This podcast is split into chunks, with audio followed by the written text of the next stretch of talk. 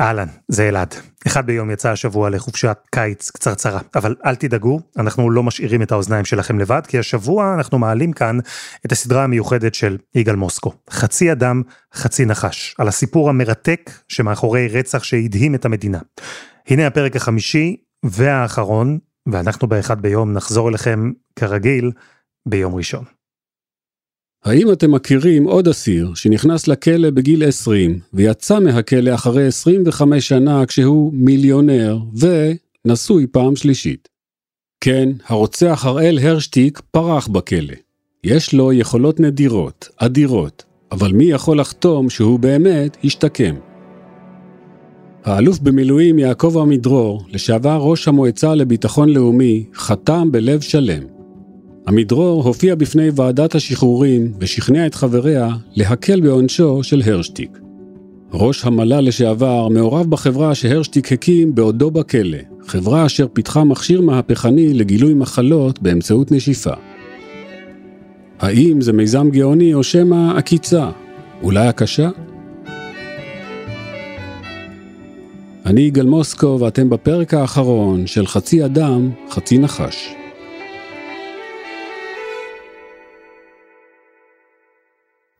לוכד הנחשים יעקב סלע נרצח על רקע סכסוך כספי. משטרת חיפה פענחה את הרצח ובידי ארבעה עצורים, וגם שחזור מפורט של העובדות המזעזעות. הראל הרשטיק מקפיד לשמור בחקירתו על זכות השתיקה, ומוכן לומר רק זאת.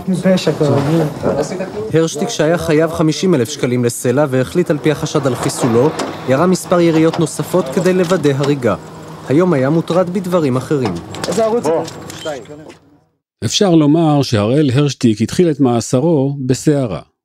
עוד בטרם נגזר דינו בפרשת רצח יעקב סלע, הוא הספיק לעשות כותרות בפרשה אחרת. ב-1997, מתוך תא המעצר, הרשטיק יזם פעולה שהייתה אמורה לגרום לפריצתה של מלחמת קודש בין העולם המוסלמי לישראל. התוכנית שלו הייתה לקחת ראש חזיר, לכתוב עליו מוחמד, לדחוב בפיו ספר קוראן ולהשליך את ראש החזיר מעל אלפי מתפללים מוסלמים בהר הבית ביום האחרון של הרמדאן. הרשטיק מדבר היום לראשונה על מניעיו בפרשת ראש החזיר. אדם חף מפשע יושב בצוהר, בשלב מסוים הוא מחליט גם להגיב בכעס. כעס של, כעסם של אדם נמדד בכל מיני דרכים, כעסי נמדד בעובדה שאני יכול להתערב פוליטית. רק התחלתי להתערב פוליטית. אתה ימני קיצוני? אני מאמין שהאדמה שלנו היא שייכת לנו. ששפכנו עליה דם מדמנו ולכן היא שייכת לנו. אין לי שום כוונה לפגוע ברגשות המוסלמים, והטענה היא שתכננתי תוכנית. אני מכיר אלף אנשים שמתכננים אלף תוכניות ביום. נשמע די מטורף, אבל הרשטיק מכר את הרעיון לשני פעילי הימין הקיצוני, דמיאן פקוביץ' ואביגדור אסקין. השלושה נפגשו במקרה בתא המעצר של בית המשפט בחיפה. זאת הייתה הפוגה בזמן המשפט של הרשטיק, כשבאותו הזמן היה משפט אחר שהתנהל נגד שני הכהניסטים. אביגדור אסקין התרשם מחריפות שכלו של הרשטיק, ואחרי ההתלהבות הראשונית מתוכניתו, הרשטיק בחן כמה אפשרויות להשלכת ראש החזיר על הר הבית.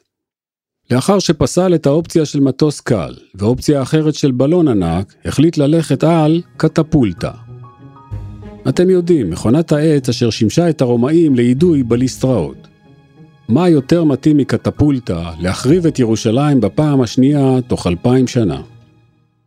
הרשטיק ערך תרשימים יסודיים לבניית קטפולטה, ודאג שיגיעו לדמיאן פקוביץ', מעין מוציא לפועל של אביגדור אסקין.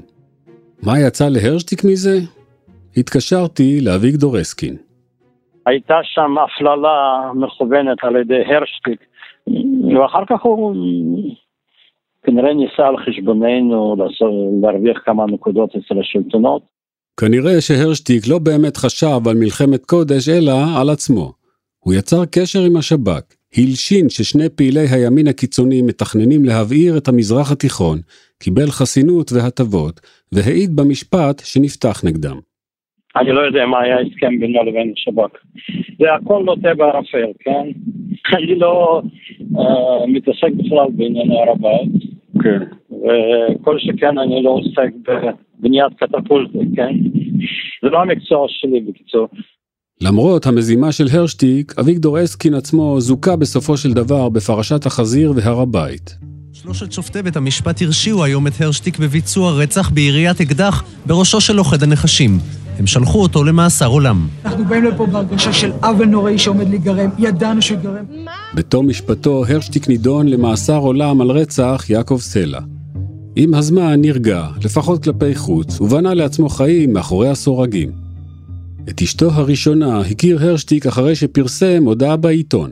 הנוסח, אסיר עולם מחפש את האישה שתחזיר את החופש לחייו. לדבריו, 88 נשים ענו למודעה. בוקר טוב סלאח. בוקר טוב, כן. שלום לך, יגאל מוסקו. אני מתקשר אליך כי אני מתעניין בהראל הרשטיק. אה, הנה, אתה כבר מחייך. אז מר הרשטיק ירום הודו, ששנים אני שומע ממנו אני עומד למות, אמרתי לו בסוף אתה תקבור את כולנו. כן.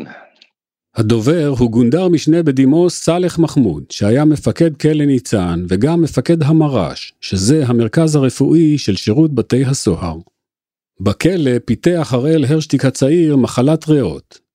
לדבריו לקה בה עקב שאיפת עשן משרפה שהציתו אסירים אחרים. הוא אסיר, הוא תחמן, הוא תחמן, והוא כל הזמן ניסה איך לשפר את תנאי המאסר שלו. אני זוכר אותו שנים, שהוא טוען שהוא חולה קשה ושהה כל תקופת המאסר שלו, הוא בילה אותה במר"ש, שזה מרכז הרפואי של שירות בתי הסוהר, כחולה כרוני, שזקוק להשגחה רפואית מתמשכת, וכל הזמן הגיש בקשות לשחרור מוקדם מטעמים רפואיים גם. כן. בטענה למצב רפואי קשה. הוא היה מרותק רוב הזמן לכיסא גלגלים, היה מחובר לחמצן, בלי החמצן לא יכל לתפקד. במצטבר, הרשטיק בילה חודשים ארוכים מתוך מאסרו כשהוא מחוץ לכלא, בהפניות, בדיקות רפואיות ואשפוזים בבתי חולים. הרשטיק לא היה אסיר עם בעיות משמעת, גם לא היה אלים, ובשב"ס האמינו לו בכל פעם שהידרדר מצבו הרפואי. רק היו כאלה שתהו שם כיצד הוא תמיד חוזר לבריאות תקינה לקראת ביקורי ההתייחדות של אשתו. תאי הכלייה במרכז הרפואי בדרך כלל מיועדים לאסיר אחד, מקסימום שניים. מתוך התא הקטן, הרשטיק היה מחובר לעולם שמחוץ לכלא באמצעות מחשב. כן כן, אסיר העולם גלש חופשי ברשת מתחת לאפם של הסוהרים. מספר גונדר משנה סאלח מחמוד. הוא הבריח איזשהו מחשב באמצעות הכיסא, כיסא גלגלים, ששימש אותו. לא הבנתי, הוא החדיר את רכיבי המחשב דרך אה, הכיסא גלגלים? כן, זה מה שהיה אז. אם לדייק, הרשטיק הורשה לפני כן להשתמש במחשב, אבל הרכיב הקריטי שהבריח היה המודם, שאפשר לו להתחבר לרשת. כשהעניין התגלה לאחר תקופה ארוכה, נשללו מהרשטיק ביקורים ושיחות טלפון למשך כחודשיים. אבל לפני כן הרשטיק הספיק להתגרש, להכיר בצ'אט מישהי שתהפוך לאשתו השנייה, וגם להקים חברה בחוץ. האסיר המפורסם גייס עובדים, ומה שיותר מרשים גייס משקיעים. אנשים רציניים כמו יצחק קאול ז"ל שהיה בעבר מנכ"ל בזק, ודוקטור אודי קנטור, לשעבר קצין רפואה ראשי. החברה שהקים הרשטיק נקראה ספקטרוניקס, ופיתחה מכשיר לזיהוי שבעה סוגי סרטן באמצעות נשיפה פשוטה. דוקטור קנטור אף פנה לשב"ס ולבית המשפט כדי שיחזירו לרוצח את המחשב והמודם. כך כתב: אני דורש לתת להרשטיק ערוצי תקשורת נאותים עם קבוצה של חוקרים ויועצים. רעיונותיו של הרשטיק יכולים להעלות את יכולת ההישרדות של בני האדם. העיתונאי אמנון לוי יצא בשעתו להכין כתבת טלוויזיה על החברה של האסיר הרוצח הרשטיק. אחד מעובדי החברה שמחוץ לכלא הציג בפני אמנון לוי את המכשיר.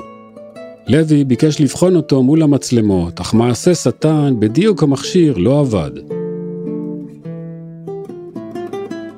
חברת ספקטרוניקס נסגרה בסופו של דבר.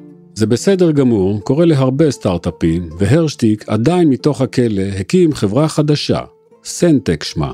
לפניכם בשורה אופטימית. חברת סנטק מדיקל, העוסקת בפיתוח טכנולוגיות לזיהוי בזמן אמת של חומרים כימיים נדיפים, חברה לצוות הרפואי של בית החולים מאיר בכפר סבא, ועורכת בימים אלו ניסוי, שמטרתו לייצר בדיקת נשיפה לזיהוי נגיף הקורונה. אז האם ניתן בטכנולוגיות נשיפה לזהות גם את מחלת הסרטן, שפעת או... הבנתם נכון, המכשיר של החברה החדשה מאוד דומה ביומרה למכשיר של החברה שנסגרה.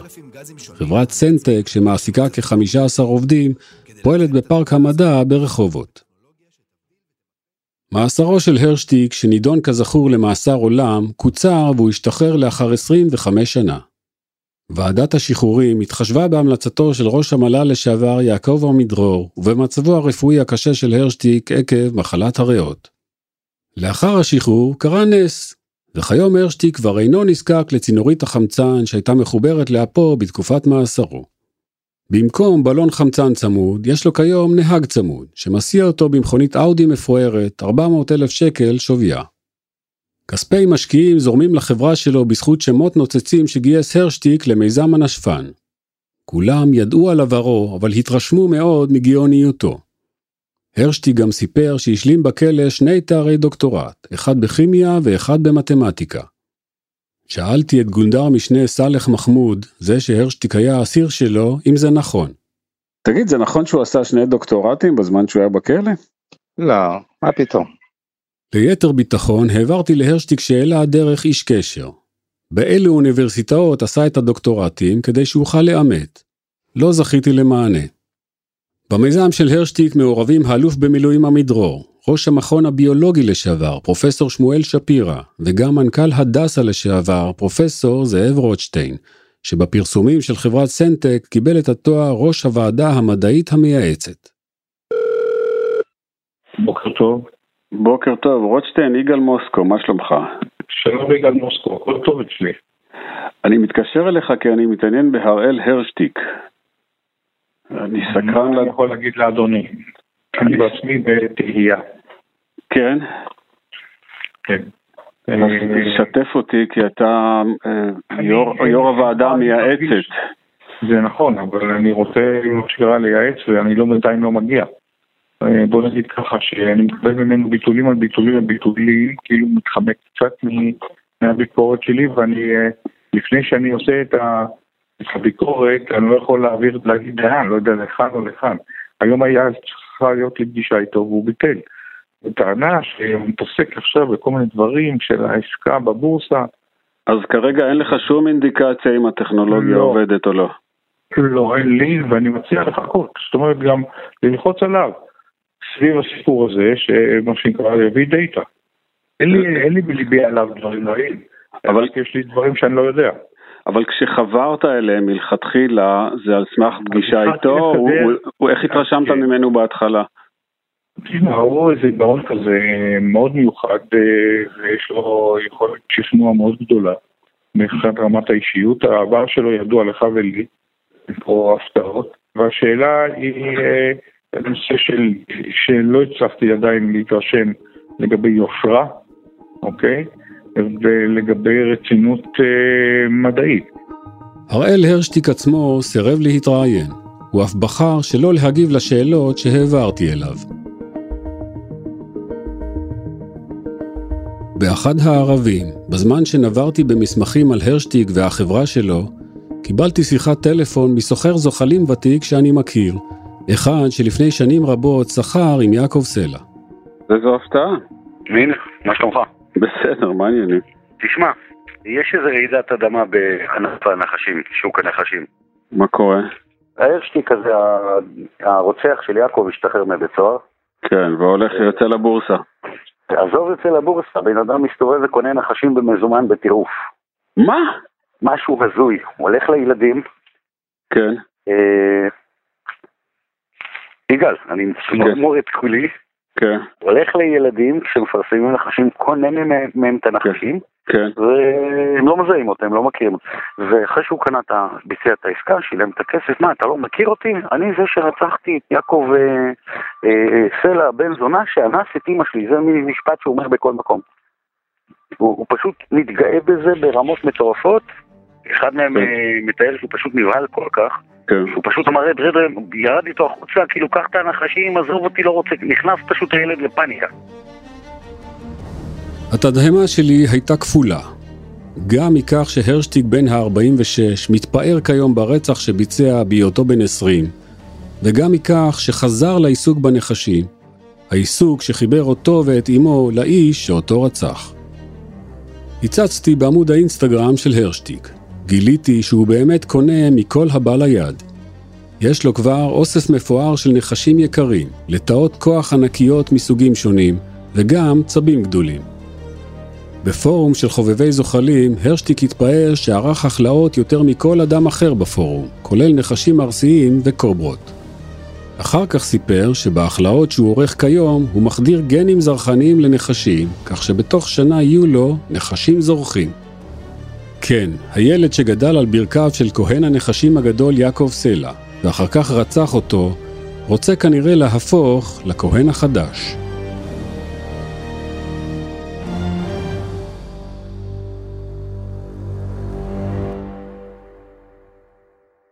המסע שלנו בעקבות אנשי הנחשים מתקרב לסיומו. במהלך המסע הזה למדתי להעריך יותר את היצור שבלב הסיפור, הנחש. בהחלט ראוי להיזהר ממנו, אבל אתה לא צריך להיות מופרע כדי להימשך אליו. התנועה שלו מהפנטת, וכשהוא מזנק אל הטרף הוא מהיר כברק. אני מבין לגמרי מדוע גם הבן שלי נמשך אליו בנעוריו, אבל מודה שהוא קל לי שהילד יצא נורמלי. על פי ספר בראשית, הנחש ארור, מקולל לעד בגלל החטא הקדמון. אבל אני חושב שמבין כל הברואים הוא בורח בעיצוב המושלם. מכונה קטלנית שארוזה כולה בצינור גמיש. נחשים, כמו אנשים ארסיים, תמיד נמצאים סביבנו. לפעמים מגלים אותם כשמאוחר מדי. מצבתו של יעקב סלע בבית העלמין בחיפה עשויה מסלע בזלת שמטפס עליו נחש צפה מסוטט. בשנים הראשונות בנות הזוג השונות היו מגיעות ומניחות נשל של נחש על המצבה. באחת האזכרות הן גם הלכו מכות ביניהן. סלע הותיר אחריו לפחות שני ילדים משתי נשים שונות. לא מפתיע שכמו הנחשים הוא לא גילה בצאצאיו כל עניין ובוודאי שלא גידל אותם. פקחי רשות הטבע והגנים חיפשו במשך שנים את הנחשים הארסיים של סלע שהוחבאו אצל הנשים והילדים שהעריצו אותו. דקל קליין, שהיה מילדי הנחשים, אומר שאחת הקוברות של סלע עדיין בחיים. ומה שיותר מסעיר הוא שנמצא צפה לבקן. צפה לבן לגמרי, כמו שהגורו סלע חיפש במשך שנים, כולל עם הילדים מעבר לגבול. השנה פעם ראשונה זכיתי לראות אותו. באמת? כן. איפה? אה, סוד כמוס. סוד כמוס, אבל השנה זכיתי לראות אותו. וואו, יש צפה אלבינו? כן, מטייל בשטח. צריך לעדכן את יעקב. הלוואי והיה אפשר. הלוואי והיה אפשר.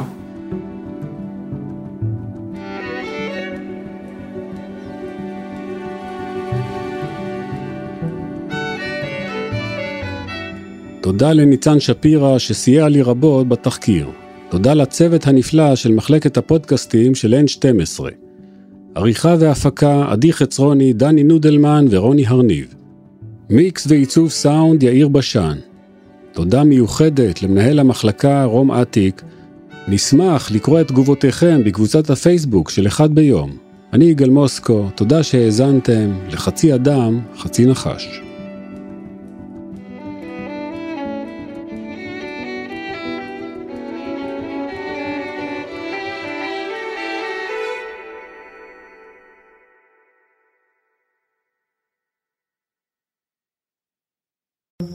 בחסות, גם ביטוח בריאות וגם ביטוח נסיעות לחו"ל עושים בהראל, ודואגים לכל המשפחה, גם בארץ וגם בחו"ל, אפילו בקמפינג בערי הרוקי.